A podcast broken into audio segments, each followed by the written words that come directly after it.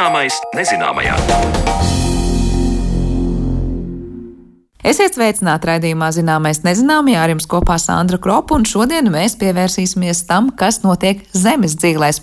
Precīzāk runāsim ar cilvēkiem, kas pēta to, kas atrodams zem zemes gan tepat Latvijas teritorijā, gan tālu aiz mūsu valsts robežām. Unikāls ieraksts zemes kronikā. Tā mūsu ģeologi saka par seno augu palieku atradumiem Smilšakmenī Skrundas novadā, un turpat arī uziet neparasti senās augsnes veidojumi. Ko mūsu ģeologi ir atraduši no 360 miljonu gadu tālas pagātnes, par to plašāk Zaneslātas veidotajā stāstā šobrīd attālināti norit Latvijas Universitātes 79. starptautiskā zinātniskā konference, kurā ar saviem jaunajiem pētījumiem iepazīstina Geogrāfijas un Zemes zinātņu fakultātes mācību spēki. Un divi no viņiem dalījās atradumos, kas stāsta par mūsu zemes vēsturi Devona laikmetā. Tas ir pirms aptuveni 360 miljoniem gadu. Kā smejoties teica Latvijas Universitātes Geogrāfijas un Zemes zinātņu fakultātes ģeoloģijas nodaļas vadītājs profesors Ervīns Lukševits, tad piespiedu mājas arests šajā laikā viņam ir licis pārskatīt pirms sešiem gadiem atvilknē noglabātos paraugus, kas tika ievākti Ketleru svītā. Tas ir nogulu miežu slāņu kopā, kas atrodas pie Ventas un Cieceras upes krastiem. Un runa ir par augu nospiedumiem šajā smilšakmens un māla sakopojumā.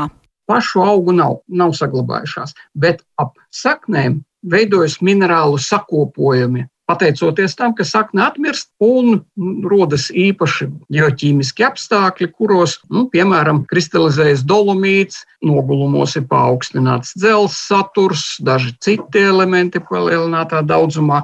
Un šīs rizokrēcijas ap saknēm, nu, tad mums arī liecina par to, kā auguši tajā laikā devona augi. Tā tad jauns vārds populāra zinātniskajā vārnīcā - rizokrēcijas jeb minerālu veidojumi ap seno augu saknēm, tādi kā telpiski atlējumi no tā, kas tur ir bijis tālākā pagātnē. Turpinājumā attālināti iztaujāja profesoru Lukševicu par to, kādi augi Devona laikmetā te auguši. Nu, izmēra ziņā diametrā no apmēram 8 mm, bet lielākais diametrs bija ap 6 cm.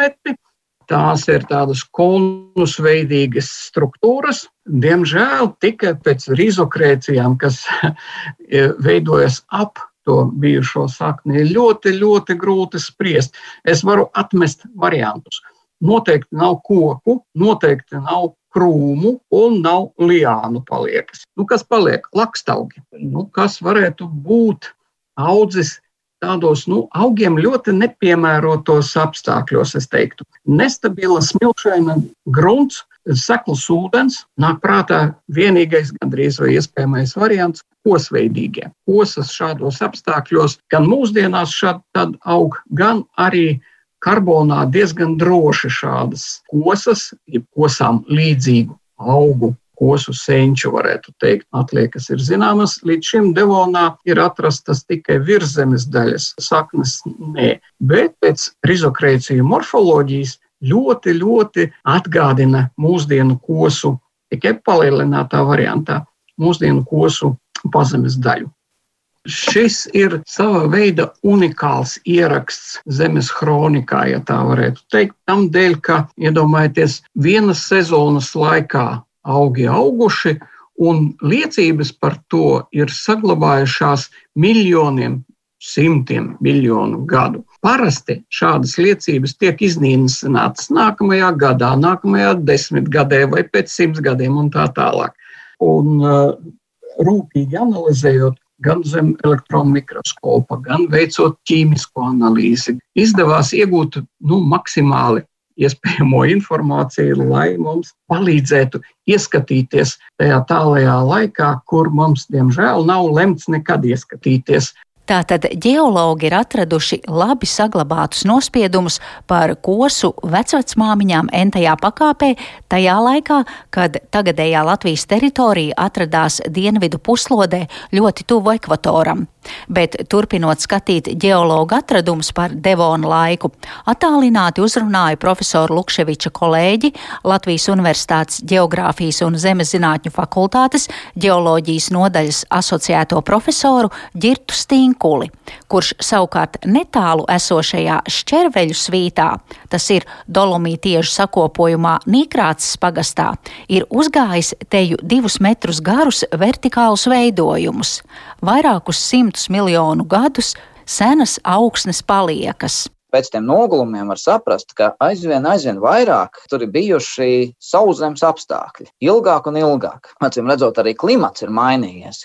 Jo nu, globāli pētījumi liecina, ka uz pašām devona beigām izveidojās tāds diezgan īss, bet intensīvs ledus laikmets. Nu, protams, kas ir īss, tas ir diskutabls jautājums. Kāds nepilns miljonus gadu varbūt arī bija. Bet nu, bija dienvidu puslodē apledojums, kas, protams, izraisa kopumā klimata pavēsināšanos, un arī uh, ledus sevī jau savāc ūdeni. Līdz ar to krītās pasaules okeāna ūdens līmenis. Pie tam ledus laikmetos klimati reizēm izceļas ar lielāku mainību. Un, uh, acīm redzot, tas ietekmēs arī seno Baltijas basēnu. Ja agrāk vēl pa laikam viļņojās tā jūra, tad bija upju deltas, tad šķiet, ka pazūda vispār šajā ķerveļa svītā jebkādas plūdmaiņu pazīmes, paisums un bēgums nav. Tas geoloģiskais griezums izskatās tā kā upēs, un aizvien vairāk parādās augšņu procesu ietekme. Un to, ko profesors Lukševičs pētījis šajā Ketlera svītā, senās saknes, ka tajā ķerveļa svītā jau ir ļoti daudz augšņu pazīmi. Tajā skaitā ļoti, ļoti saudabīgas struktūras, ko es nepasakot, es vēl īsti nemāku interpretēt. Līdz 1,7 metriem garas vertikālas struktūras iežos kas ir neparasti Latvijai, vispār arī pasaulē. Tur ir taisīti plānslīpējumi, veikta ķīmiskā analīze, pētīta ir skenējoša elektronu mikroskopā, veikta rentgen difraktometriskā analīze. Daudz un dažādas metodas ir pielietotas. Un tā rezultātā faktiski secināts, ka šajos iežos tiešām ir tipiski augšņu veidojumi. Tāda apaļa graudiņa, tur ir šūnveida tekstūras, tādas sīkas, smalkas garoziņas. Bet no šīs vertikālās struktūras vēl aizvien mulsina.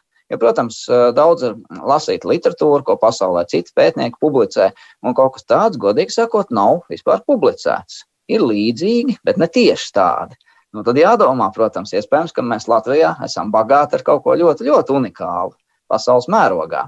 Sakiet, vai šajos augsnes atradumos bija arī kaut kādas augu vai sīgu būtņu atliekas?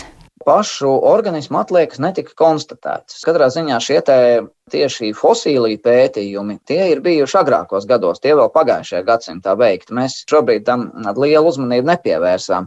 Taisnība sakot, arī šis pētījums varētu prasīt papildus ļoti daudz laika un, un, un darba, jo šo organismu atliek vienkārši tur ir ļoti maz. Bet, nu jā, mēs tā mēģinām šoreiz no citas puses tam pieiet, mēģināt pēc iespējas precīzi saprast tos apstākļus, kas ir bijuši. Un, nu, tad šobrīd mēs domājam, ka sākumā tur bija upes, upi nogulumi, un tad laiku aizvien aizvien vairāk un vairāk, nu, faktiski nu, bija tāda augsne, zemes virsma, kur nu, norisinājās tiešām šī augšņu procesa. Ļoti iespējams, ka auga koki vai arī cita veida augi. Tā kā jūs un profesora Lukševiča ziņojuma virsraksts vēstīja, ka runa ir gan par šiem nogulumiežiem, gan arī par klimatu. Eh, sakiet, ko šie augsnes paraugi vēstīja par mm, to klimatu, kāds tolaik bija pirms 360 miljoniem gadu?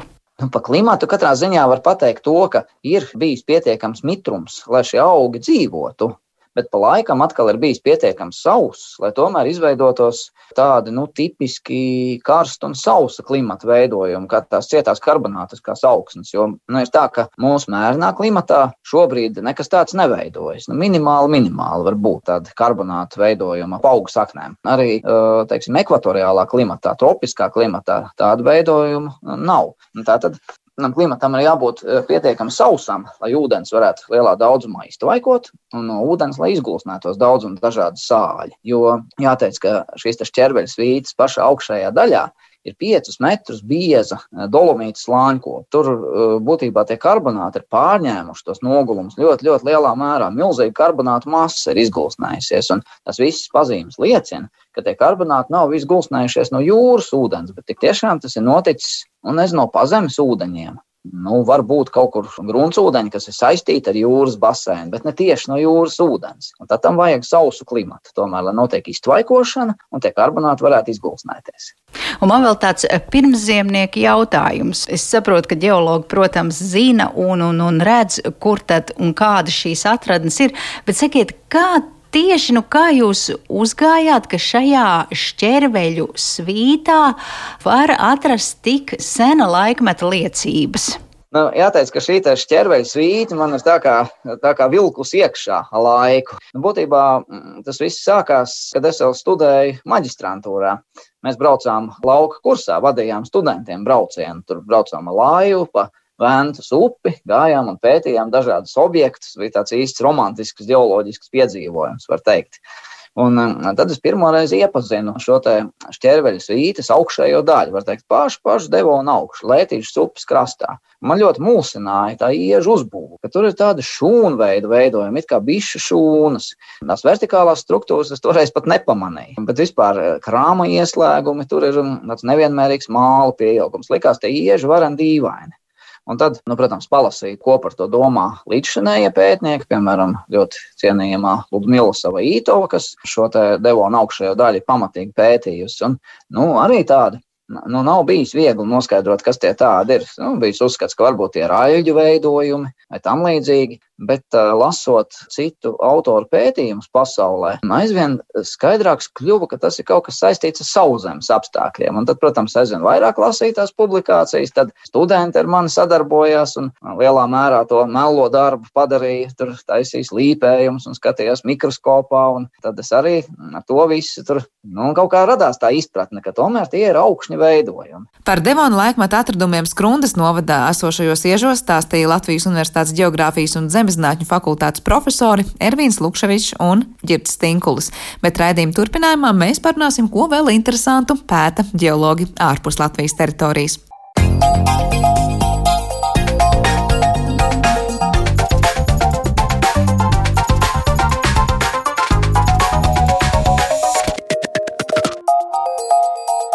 Zināmais nezināmajā.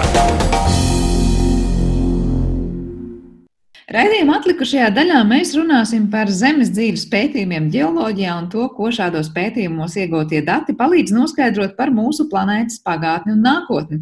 Šobrīd, izmantojot iespēju, ka uz sarunu attālinātajā studijā varam pulcēt pētniekus no visas pasaules, mēs ciemos esam aicinājuši geoloģiju un Āhenes universitātes pētnieci un docētāju Lieni Spružinieci. Labdien, Lieni!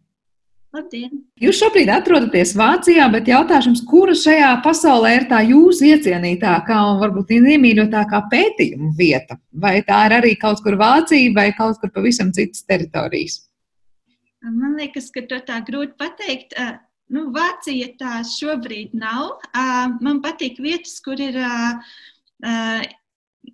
Jā, manas pētījuma vietas pārsvarā ir kalni, tur, kur ir interesanti tektoniski veidojumi, kalni, zemes garozes krokas, zemestrīces un tā tālāk. Un Vācijā, jā, Alpu kalnos tas tur ir tiešām ļoti interesantas vietas. Bet tā šobrīd nav bijusi mana teritorija. Tas, kas, tas, kur es agrāk es esmu strādājusi, ir Norvēģija. Norvēģijas Kaledonijas kalni un Portugāle, kas abas man liekas diezgan interesants vietas, jo tur daudz mazāk ir izpētīts. Alpu kalnos ir tā, ka tur ir uh, tik daudz cilvēki pētījuši, ka ir grūti kaut ko pavisam jaunu atklāt. Bet nu, ir jau pasaulē tādas vietas, kur tiešām tās gaida vēl savu atklājēju. Ja es pieņemu, ka geologam vēl vairāk ir interesanti nu, atrast visdažādākos nostūrus. Īstenībā gandrīz vai visur ir kaut kas interesants, tāpēc, ka plātņu tektonika ir, ir ļoti svarīgs process ģeoloģijā, kas izskaidro gandrīz visu visus uh, ģeoloģiskos procesus, vulkānu izvirdumus, kalnu veidošanos, zemestrīces. Un, uh, tā ir pārsteidzoši jauna joma, jo tikai 60. gados cilvēki to saprata. Pirms tam ģeoloģija pastāvēja ilgu laiku, uh, cilvēki redzēja. Uh, kalnus, viņi redzēja šīs struktūras, bet viņi nespēja tās izskaidrot. Un tikai kopš 60. gadiem mēs esam sākuši saprast, kā tas viss kopā strādā un kā, ielikt lielākā kontekstā.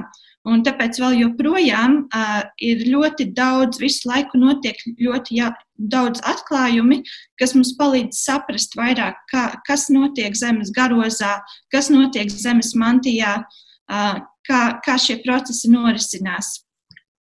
Te droši vien mēs katrs varētu teikt, nu, Latvijā mums ne vulkāna izvirduma, ne zemestrīces, un tomēr vai ir kaut kas aktuāls no tā, ko varbūt pētot kalnus teritorijās, kur mēs varam arī runāt vispār par kādiem vulkāniem vai zemestrīcēm, ietekmē mūs šeit, un mēs varam kaut ko daudz labāk saprast par Latvijas teritoriju. Jā, Latvijā manā jomā ir mazāk ko darīt, tāpēc, ka mums ir pārsvarā nogulmieži, mums ir ļoti biezas nogulmiežu kārtas, desmitiem kilometru biezas, tāpēc ka mums ilgu laiku šeit bijusi sekla jūra, kur mierīgi jūrā nogulsnējās nogulmieži. Bet tas, kas man liekas interesanti, interesanti varētu būt paskatīties, kas atrodas viņiem apakšā. Jo mums ir kristāliskais pamatklimtājs diezgan dziļi, apmēram divu kilometru dziļumā. Un, uh, tur ir šie dziļākie ieži, kur, kurus, kas mani parasti interesē. Un, uh, Latvijā priekšrocība ir tā, ka mums no padomju laikiem ir atrodami, uh, ir uh, iegūti diezgan daudz urbumi. Uh, man liekas, kādi 50 vai pat vairāk urbumi tika izdarīti, kas ir uh, diezgan. Uh, um, un, un tie, tie dati kas mums varētu dot ieskatu par to, kas atrodas zem, zemes apakšē, apakšējos slāņos. Un vēl joprojām viņi ir pieejami, bet viņi nav apkopoti vienotā sistēmā. Un cik es esmu skatījusies, katram, katrā kartē, kas rekonstruēta no šiem urbumiem, ir pilnīgi cita interpretācija. Un, uh, man būtu interesanti, jā, tā ir lieta, par ko es esmu domājis. Man būtu interesanti paskatīties un varbūt ielikt viņus kā, um, kopējā kontekstā un saprast, kas mums, kas mums tur atrodams. Bet var teikt, ka ģeologs, kurš varbūt šobrīd pēta tur plātņu tektoniku un to, kur var teikt, kalnos notiek aktīvi procesi vai ir notikuši aktīvi procesi, var pētīt jebko, kas, piemēram, tagad ir ar nogulumiežiem saistīts vai citu teritoriju, vai tur ir tā, ka, nu, ja reiz sāk specializēties, tad tikt uz to otru jomu nemaz nav tik vienkārši. Daļai, kā, kur, kā kurš lauka ģeologi, viņi pārsvarā ir tiešām piesaistīti vairāk tādām tektoniskām vietām, jo viņi, viņu pētījumi ir raksturot šo kalnu struktūras, bet es izmantoju mikroskopiskās metodes. Papildus lauku pētījumiem es skatos iežu mikrostruktūras, to uzbūvi, kā, kā, kā viņi um, uzvedas un arī kā viņi vienkārši kā viņi sastāv. Un šīs mikroskopijas metodas var piemērot gan, gan uh, vulkāniskajiem iežiem, gan uh, um, iežiem, kas atrodas kalna apakšā, gan nogulmiežiem. Um, un, uh, tur nav tik svarīgi tas process, kādā viņi veidojušies. Tā kā galvenais ir zināt metodi, un tad jau pielietojumu atradīsim. Vai varat pastāstīt, kas ir šīs mikrostruktūras sīkāk iežos? Kādas tās ir, kā tās veidojas un ko tās mums pastāsta? Uh, jā, nu, uh, mēs par iežiem varam domāt uh, kā par uh, kā laika kapsulām, uh, kuri satur sevī informāciju. Un tas, ko dara ģeologi, viņi skatās uz ieži, iezi un mēģina rekonstruēt, kas pēc izskata, pēc tā kā viņš izskatās, rekonstruēt, kas tajā vietā ir noticis miljoniem gadu atpakaļ. Un, tātad ieži sastāv no minerāliem, un minerālus, un tas, kā izskatās šie minerāli, mēs varam izmantot, lai pateiktu, kā notika process, piemēram, vai iezis veidojies 60 km dziļumā, vai viņš veidojies 10 km dziļumā. Jo šis minerālu graudiņš izskatīsies savādāk, ja viņš ir bijis lielā dziļumā vai mazā dziļumā. Un tāpat arī izmantojot ķīmiskās metodes, mēs varam noteikt, kādā temperatūrā viņš atradies. Mēs varam noteikt, cik vecs viņš ir, un mēs varam noteikt daudz šādas lietas, kas palīdz saprast, kad, kā un kur viņš ir veidojies. Bet tas liekas pārsteidzoši, vai tiešām nu, tā pati forma un tas ķīmiskais sastāvs atspoguļosies tajā mazajā graudiņā, un mēs pateiksim tiešām nu, temperatūru, kurā tas ir bijis. Jā, tieši tā. Uh, uh, ir, tas ir diezgan sarežģīts metods, kas ir izstrādātas, lai to izdarītu, bet tas ir iespējams. Jo būtībā um, minerālu veidošanos, iežu veidošanos regulē fiziskie procesi, tādi paši, paši fizikālie procesi, kas regulē visu, kas notiek mūsu, mūsu um, visumā. Un, uh, piemēram, uh, par temperatūrām. To, to, nosaka, ne, to nosaka no dažiem atsevišķiem minerāliem. Piemēram, ja blakus ir granāta grauds un piraksēna grauds.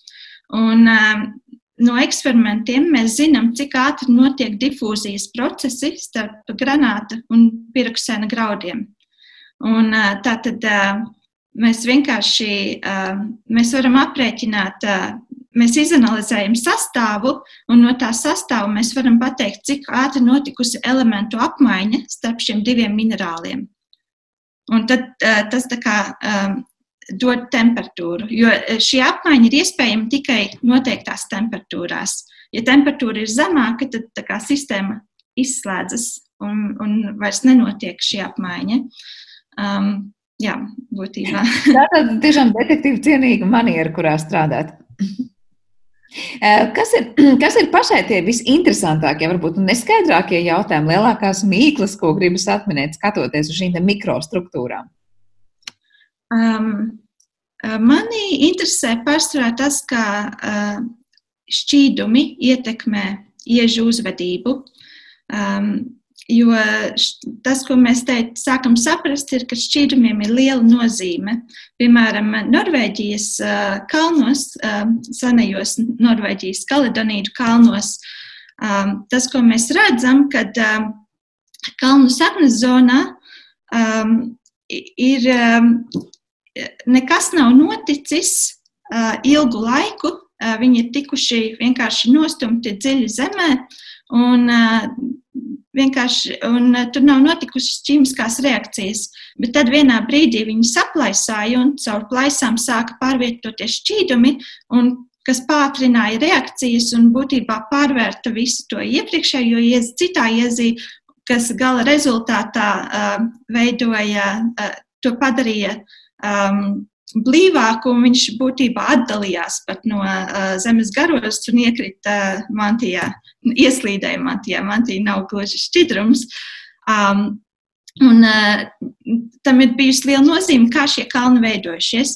Un, uh, jā, un būtībā te mēs saprotam, ka šķīdumi regulē ķīmiskās reakcijas un arī veicina deformāciju, un, tā kā iežu deformāciju. Un, uh, Un mēs šobrīd to mēģinam apvienot. Un tā ir tā lieta, kas man liekas interesanta. Tieši apvienot uh, to geoķīmisko un uh, mehānisko uzvedību. Bet mūsdienu geoloģijā sanāk, ka vispār sanāk apvienot nemitīgi dažādas zinātnes un pašam sevī būt gan mazliet ķīmiķim, gan mazliet geologam, gan mazliet fiziķim. Un es domāju, varētu skaitīt vēl un vēl.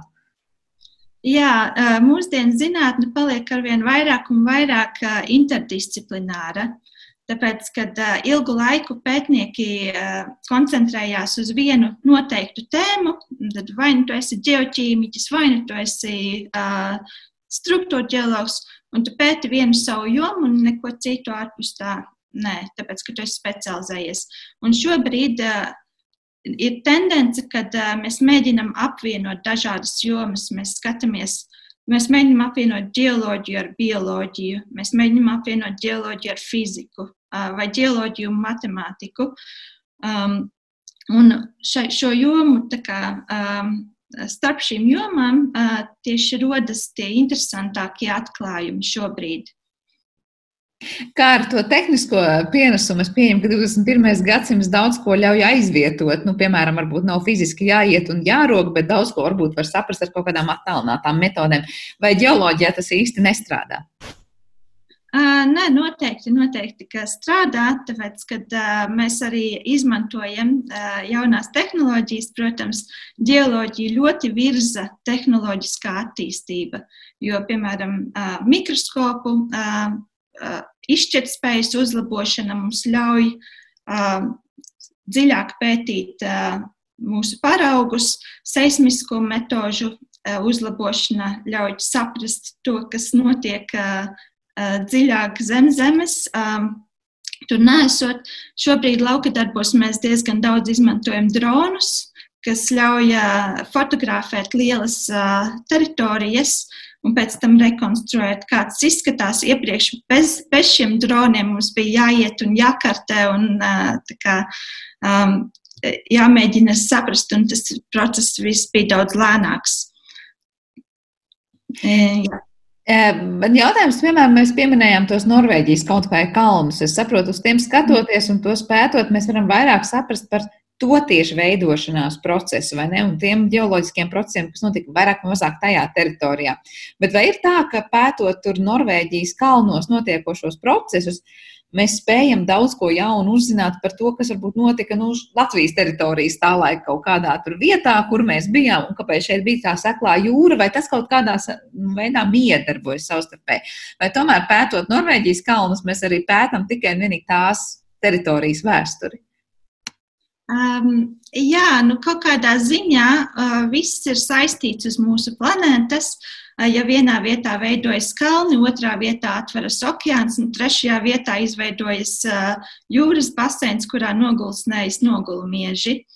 Um, tas, ko mēs skatāmies, uh, uh, mēs, uh, piemēram, Norvēģijas kalni, viņi uh, ļauj izprast uh, uh, arī citas vietas, kur veidojas kalni.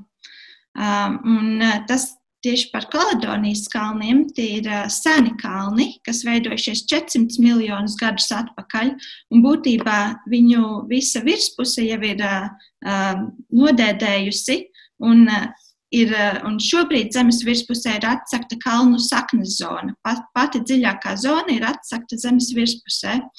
Un, Tas ir interesanti, tāpēc, ka to mēs varam izmantot, lai mēs saprastu, kas notiek šobrīd jaunu kalnu uh, apakšzonās, piemēram, Alpu kalnu apakšējā zonā vai Himalaja kalnu zonā, kuru mēs nekad nevaram, nevarēsim redzēt, vai vismaz šobrīd mēs viņu nevaram tieši novērot, bet mēs varam paskatīties, kā šī zona izskatās Himalaja kalnu. Uh, es atvainojos Kaledonijas kalnos, kur virsējā kārta jau ir nodēdējusi. Uh, un uh, varam izmantot šos, šīs zināšanas, lai, um, lai um, kā, saprastu labāk, kas notiek zem Himalajiem, kas notiek zem Alpiem, kas ir daudz jaunāki kalni.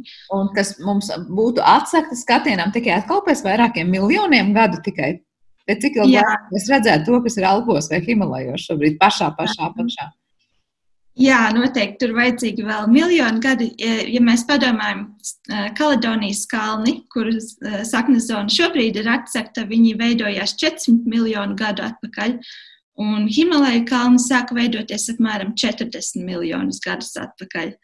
Tā, tas ir tikai pats sākums, un uh, turpinājumā uh, šobrīd uh, Himalajos notiek uh, plātņu sadursme, uh, kontinentālo plātņu sadursme, uh, tas, ko mēs zinām no uh, Kaledonijas kalniem, ka pēc tam būs gaidāma, uh, ka kalni visdrīzāk uh, sabruks paši zem sava svara, notiks tā kā uh, izplūšana uz malām, atkal attālināšanās un um, varbūt pat jauns okeāns. Un, uh, tas ir, tas ir uh, lietas, kas ir prognozējams, bet varbūt pēc dažiem simtiem miljonu gadu. bet cik lielā mērā mēs runājam, piemēram, šobrīd Himalaja kalni paietu uz, kā saka, nu, paplašinātos, un mēs runājam par jaunu okeānu. Mēs runājam tieši ap Himalaju to reģionu, jaunu okeānu, vai, vai, vai kā mēs varam, cik lielos mērogos iztēloties tās pārmaiņas? Um, to, jā, to ir diezgan grūti tā noteikti prognozēt, tāpēc, ka uh, kalnu uh, veidošanās ir atkarīga, ne, viņa nevienmēr notiek tieši tāpat kā uh, iepriekš, tāpēc, ka viņi ir atkarīgi arī no mantijas uh, uzvedības. Mantijā notiek konvekt, konvencija, kā piemēram uh, vārot karstu ūdeni katlā, uh, ko silda no apakšas, un tad uh, ūdens ceļas uz augšu un uh, apmainās. Un šī mantijas konvekcija arī uh, apmaina mantijas iežus un stumj zemes garozu. Tā, viņi ietekmē kontinentālo plātņu kustību arī. Un tas daļēji, kas notiks, vai tur būs okeāns vai nebūs, ir atkarīgs arī no mantijas uzvedības.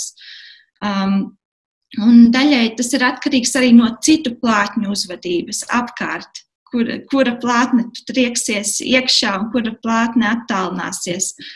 Tāpēc ir grūti pateikt, bet ir tendence ir tāda, ka uh, bieži vien plātnes saduras un attālinās vienās un tajās pašās vietās. Es tieši gribēju jautāt, cik lielā mērā var studējot to, kas notiek vienos kalnos, pielīdzināt pie tā scenārija, kas varētu notikt ar citiem kalniem, jo tie procesi zem paša kalna arī ir nu, tādi individualizēti, var teikt, katram kalnam. Jā, pavisam noteikti, tāpēc, ka to ietekmē arī iepriekšējie procesi, jo iepriekšējās sadursmes rada vai nu vājas, vai arī spēcīgas zonas zemes garozā, un kas ietekmē turpmāko uzvedību. Tāpēc katram kalnam tas ir nedaudz savādāks, bet ir bieži um, vien um, mēs varam saskatīt daudz līdzību gan starp Himalajiem, gan starp Alpiem, gan starp uh, Kaledonijas kalniem. Jo uh, kopē, kopējais process ir līdzīgs. Mēs, tas, tas saucas kā Vilsona cikls, kur divas kontinentālās plātnes satuvinās, pēc tam viņas sadurās kopā. Pa vidu tiek uzstumta virsū nedaudz okeāniskā garoza, kas sauc ofiolīts un veido tā kā vidus, viduszonu, un kas ir līdzīgi visām, būtībā lielākajai daļai kalnu reģionu. Uh, bet pēc tam, kā tieši notiek šī deformācija, vai tur veidojas krokas, ah, kā viņas veidojas, vai tur veidojas lūzumi, vai tur veidojas, mm, kā tieši ah, zemes garoza deformējas, tas ir atkarīgs no iežiem, kas atrodas konkrētajā reģionā. Vai tie ir nogulmieži, vai tie ir magmatiskie ieži, jo viņiem ir dažādas īpašības. Tā kā nu, vairāk kā skaidrs, ka kalns visu savu dzīves ciklu laikā ir diezgan patiesībā dinamiska struktūra. Jā, būtībā visa mūsu planēta ir dinamiska. Mūsu planēta ir din dinamiska planēta, jo mums ir plātņu tektonika. Un šobrīd tāda nav zināmas citas planētas, vismaz es nezinu. mūsu Saules sistēmā nav tādas planētas, kurai būtu līdzīga plātņu tektonika kā mums. Un, un tas šī dinamika padara, jā, ietekmē daudzus procesus, ne tikai ģeoloģiskus procesus, bet arī bioloģiskus procesus.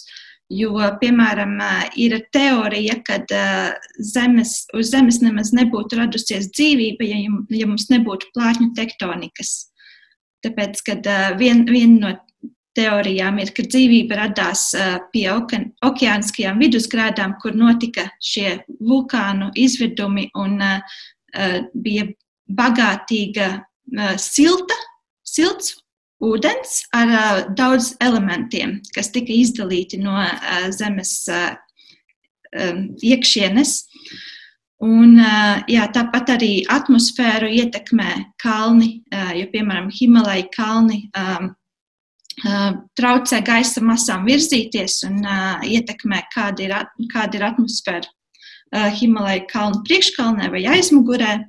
Un, uh, arī, un visus ciklus, uh, gan visus elementu ciklus, gan ūdens apmaiņas ciklu ietekmē, tāpēc ka ūdens tiek iestumts iekšā, uh, tur, kur uh, okeāniskā plātne saduras ar kontinentālo plātņu, ūdens tiek iestumts iekšā zemes mantijā, un pēc tam viņš nāk atpakaļ caur vulkānu izvirdumiem.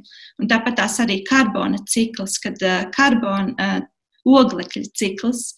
Um, kad uh, oglekļa nogulumi tiek iestumti iekšā zemes garozā un pēc tam viņi nāk ārā caur vulkāniem, kas uh, veicina visu šo elementu apriti, kas ir svarīgi dzīvībai. Jā, nu, ogleklis mūsu dzīvībā nenoliedzami ir tāds viens no pamata ķieģelīšiem, vai ne? Un var interesanti skatīties, kāds ir tas cikls vispār planetārā pat, pat līmenī.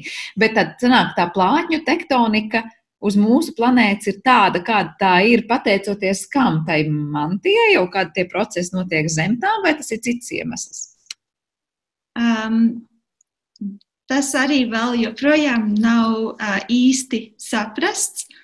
Uh, bet uh, jā, daļai tas ir atkarīgs no planētas izmēra, uh, jo uz visām, jā, uz lielām planētām iespējams, ka plātņu tektonika nenotiek, un daļēji tas ir atkarīgs no tā, cik ātri atdziest garoza un, un kā, no kā ir veidota planēta arī. Um, Jā, tā ka šī nav īsti gluži mana joma. Tas viens, ka tur ir virkne faktoru, kas ir likusi mūsu planētai būt tādai, kādai tā ir. Tieši tā plātņu tektonikas nozīmē. Un savukārt tā tālāk jau iezīmē visus tos procesus, ko jūs minējāt. Mazliet tāda fantāzija, bet, protams, mēs sakām, Latvijā mums kalnu nav un mums ir diezgan līdzens, bet jūs stāstījat par tām pārmaiņām, kas notiek un kaut vai daudzu miljonu gadu laikā, kā Himalai, kā saka, pamainīs apkārtnes ainavu.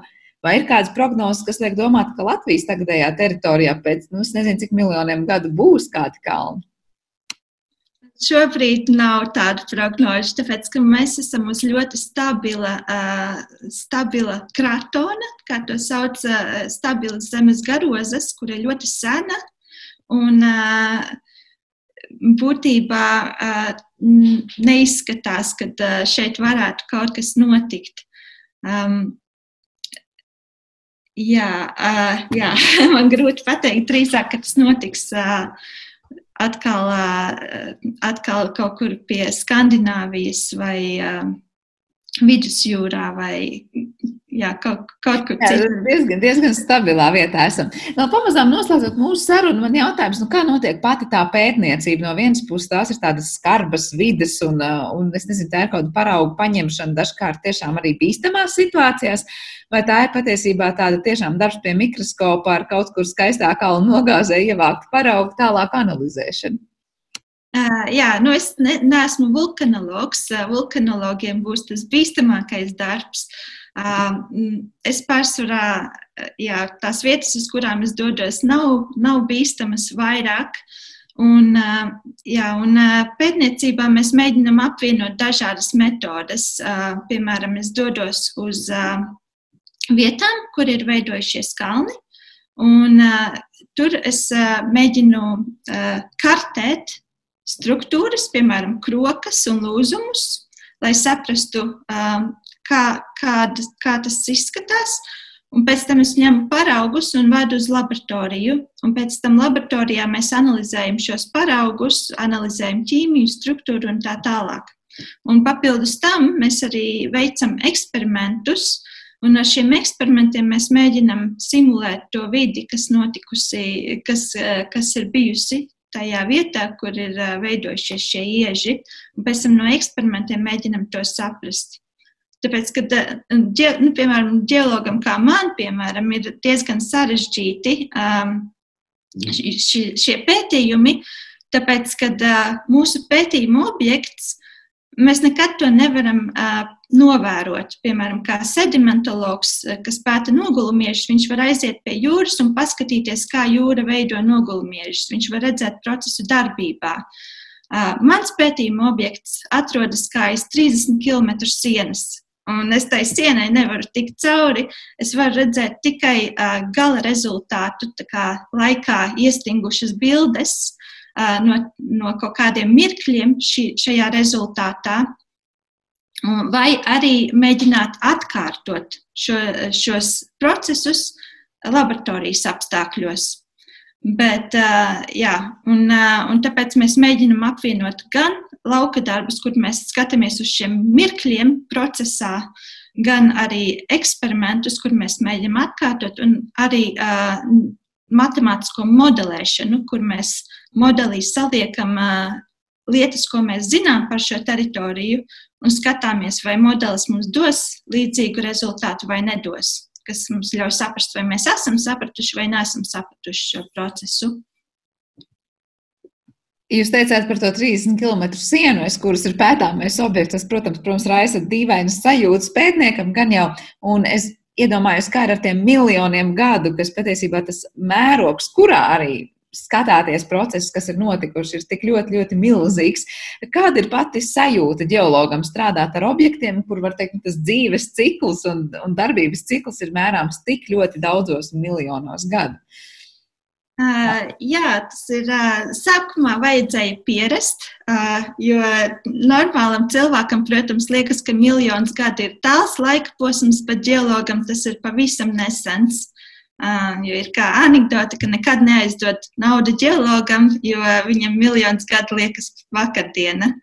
Um, un, uh, jā, tas rada sarežģījumus katrā ziņā, jo, piemēram, laboratorijas eksperimentos ir grūti. Mēs neredzam šo procesu, mēs nevaram novērot ne tikai tāpēc, ka starp mums atrodas šī 30 km siena, bet arī tāpēc, ka tas notiek tik lēni, ka mēs nekad nespējam, nespēsim atkārtot šo ātrumu.